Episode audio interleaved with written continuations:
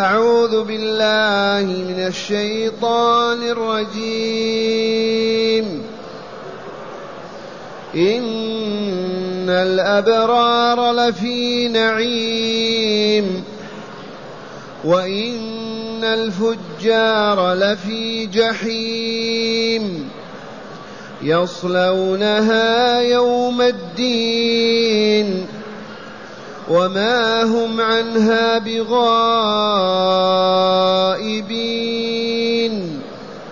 وما أدراك ما يوم الدين ثم ما أدراك ما يوم الدين يوم لا تملك نفس لنفس شيئا والأمر يومئذ لله. أحسنت. معاشر المستمعين والمستمعات من المؤمنين والمؤمنات لما بين تعالى لنا النفختين الأولى والثانية وما يجري بعد النفخة الثانية من البعث والنشور والقيام حفاة عراه. ننتظر الحكم الإلهي فينا. قال تعالى إن الأبرار إذا هذا بيان الحكم. والأبرار جمع بار وضده فجار وفاجر. والبار هو المؤمن الصادق الإيمان الذي آمن بالله وملائكته وكتبه ورسله واليوم الآخر والقدر خيره وشره آمن إيمانا جازما صادقا لو يقطع لو يفصل لو يمزق ما يتراجع أبدا ولا يشك المؤمن الصادق الإيمان الذي عرف ربه جل جلاله وعظم سلطانه عرفه بصفاته واسمائه الحسنى عرفه بجلاله وكماله معرفة يقينية لأنه ينظر إلى الكتابين فيقرأ فيجد الله بين يديه بجلاله وكماله. الكتاب الأول كتاب هذه الكائنات من أوجدها من خلقها من صور هذه الصور من بعث هذا النبي من من من لا جواب إلا الله الله الله. ثانيا في كتاب القرآن الكريم هذا كلام من هذا؟ والله لكلام الله. كيف وصل إلينا؟ من أنزله أنزله الله بواسطة جبريل عليه السلام على رسوله ومصطفاه نبينا محمد صلى الله عليه وسلم فيصدق في إيمانه ومن ثم لا يكفر أبدا ولا يشرك أبدا فهو مؤمن صادق الإيمان موحد يعبد الله وحده ولا يشرك به سواه. ثم بعد هذا الإيمان الطاعة الكاملة في كل ما أمر الله تعالى باعتقاده أو قوله أو فعله أما الاعتقاد والقول فلا شيء ينقص أبدا. أما الأفعال إن عجز عن فعل يسامح الله لعجزه. إذ لا يكلف الله نفسا إلا وسعها. وطاعة الله عز وجل ملزمة بطاعة رسول الله موجب لها. ومن يطع الرسول فقد أطاع الله. وطاعة الرسول ضرورية لأنك ما تستطيع أن تطيع الله. ما تعرف كيف تطيعه إلا بواسطة المبين المفصل الشارع النبي صلى الله عليه وسلم. هذه الطاعة يا معشر الأبناء والإخوان يا معشر المؤمنات متوقفة على الإيمان الصادق بالله ولقائه. متوقفة على معرفة أوامر الله وأوامر رسوله ونواهيهما وهنا نقرر القول ونقول طلب العلم فريضة على كل مسلم ومسلمة. طلب العلم فريضة على كل مسلم ومسلمة. فمن لم يعرف كيف يعبد الله كيف يعبده؟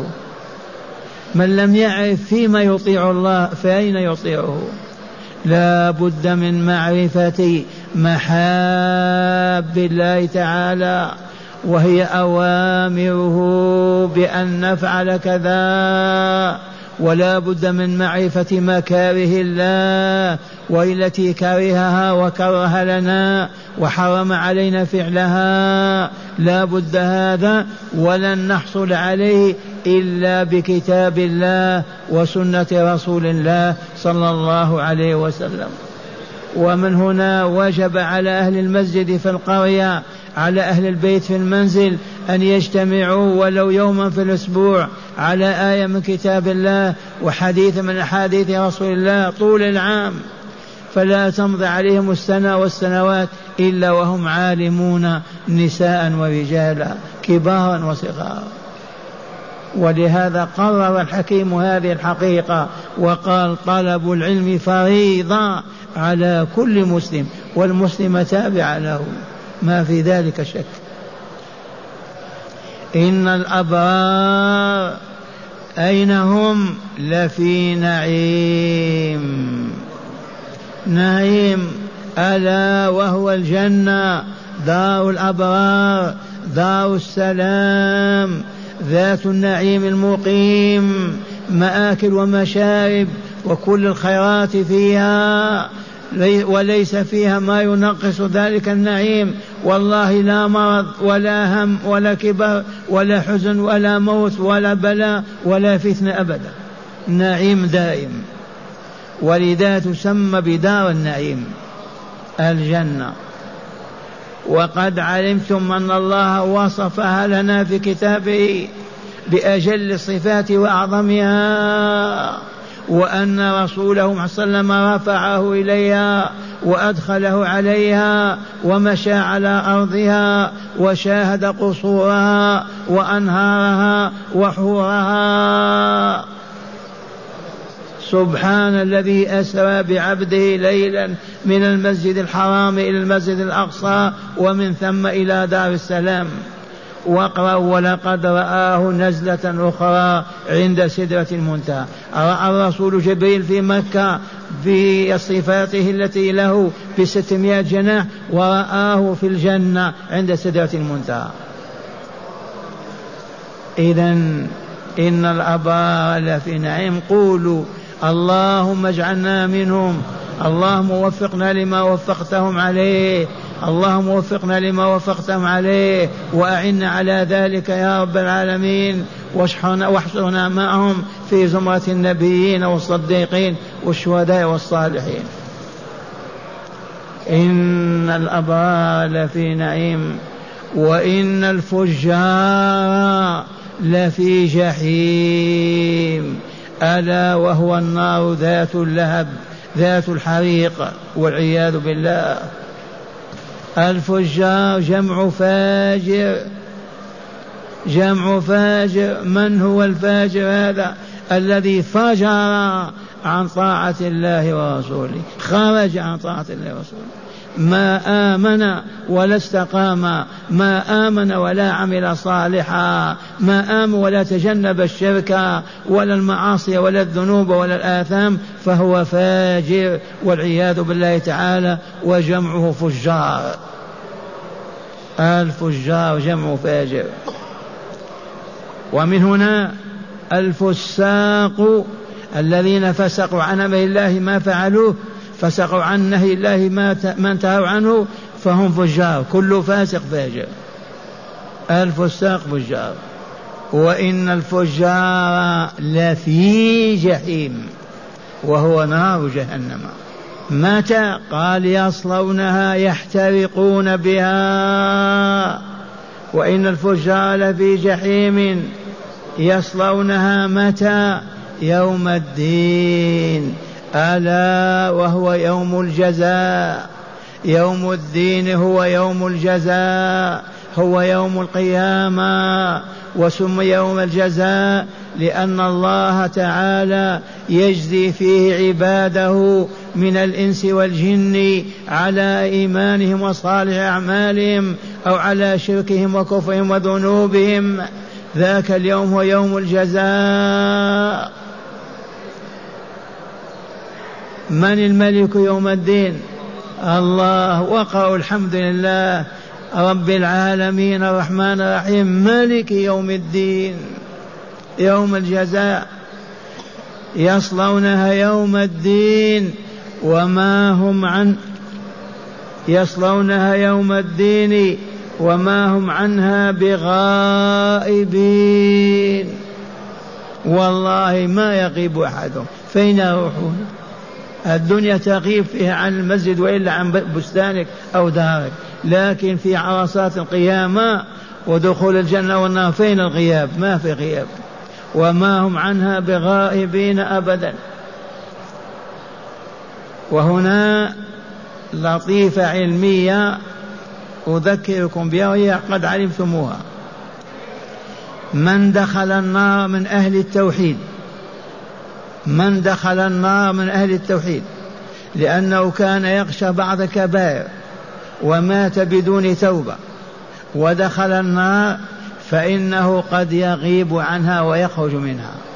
أخبر بذلك رسول الله صلى الله عليه وسلم. يشفع لهم الرسول بإذن الله فيخرجونه من النار ويغسل يغسلون أنفسهم في نهر أمام الجنة ويدخلون الجنة. من هؤلاء؟ هؤلاء مؤمنون موحدون. زلت أقدامهم فقارفوا ذنوبا وما تابوا منها. فماتوا على ذلك. فمصيرهم إذا إن دخلوا النار يلبثون فيها أحقابا ثم يخرجون منها. أما من مات على الشرك والكفر والفسوق والفجور فهم والله ما هم بغائبين عنها أبدا. فأين يذهبون؟ ما هم عنها بغائبين. هكذا يقول تعالى إن الأبرار لفي نعيم وإن الفجار لفي جحيم يصلونها يوم الدين وما هم عنها بغائبين أبدا. ثم قال تعالى وما أدراك ما يوم الدين ثم ما أدراك ما يوم الدين يوم الدين يوم الجزاء يوم الحساب يوم الجنة ويوم النار يوم الوقوف بين يدي الله حفاة عراة خمسين ألف سنة في ذلك اليوم هذا يوم الدين من أخبرك به يا رسولنا وما أدراك ما يوم الدين ثم ما أدراك ما يوم الدين. يوم عظيم. وهنا لطيفة علمية يروى عن ابن عباس رضي الله تعالى عنهما يقول إذا قال تعالى لرسوله وما يدريك إلا ويعلمه ذلك وإذا قال وما أدراك لم يعلمه ذلك. وما يدريك لعل الساعة تكون قريبا. علمه متى تكون الساعة وعلاماتها. أما هنا وما أدراك ما يوم الدين لا أحد يدريك فوق ما تتصور. كيف هذا اليوم هذا؟ تريدون أن تعرفوا بعضه وإلا لا؟ أصحاب النار الفجار الكفار ضرس أحدهم والله كجبل أحد. رأسه كم يكون هذا؟ إذا ضرسه كجبل أحد رأسه كيف هو؟ ما بين كتفي الكافر كما بين مكة وقديد خمسة وثلاثين كيلومتر. هذا عرضه طوله كيف يكون؟ من يخبر عن هذا اليوم؟ ما يدريك اليوم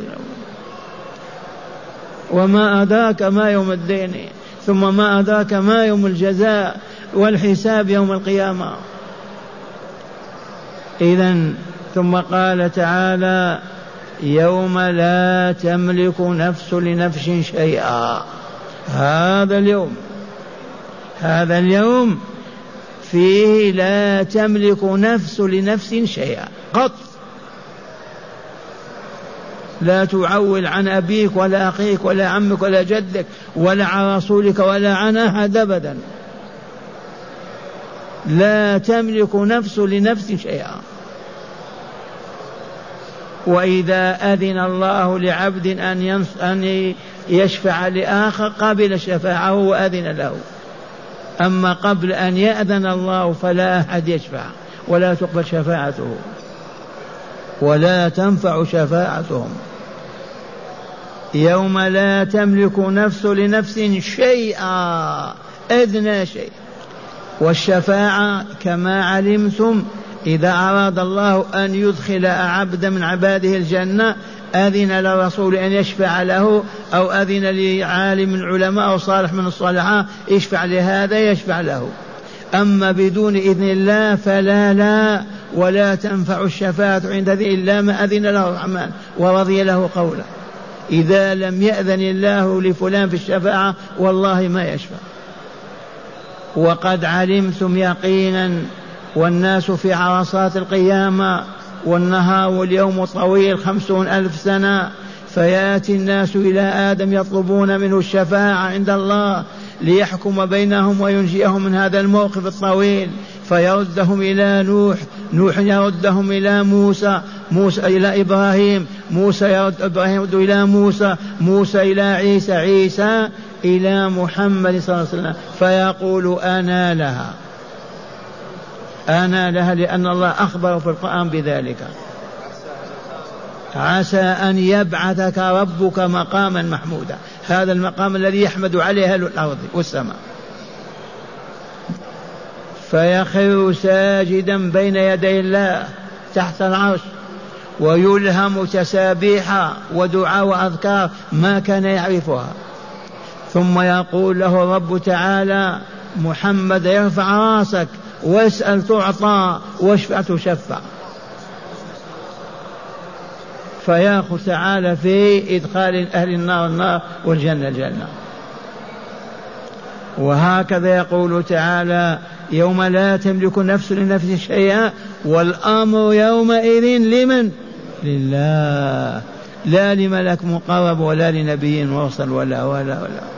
الأمر في ذلك اليوم لله.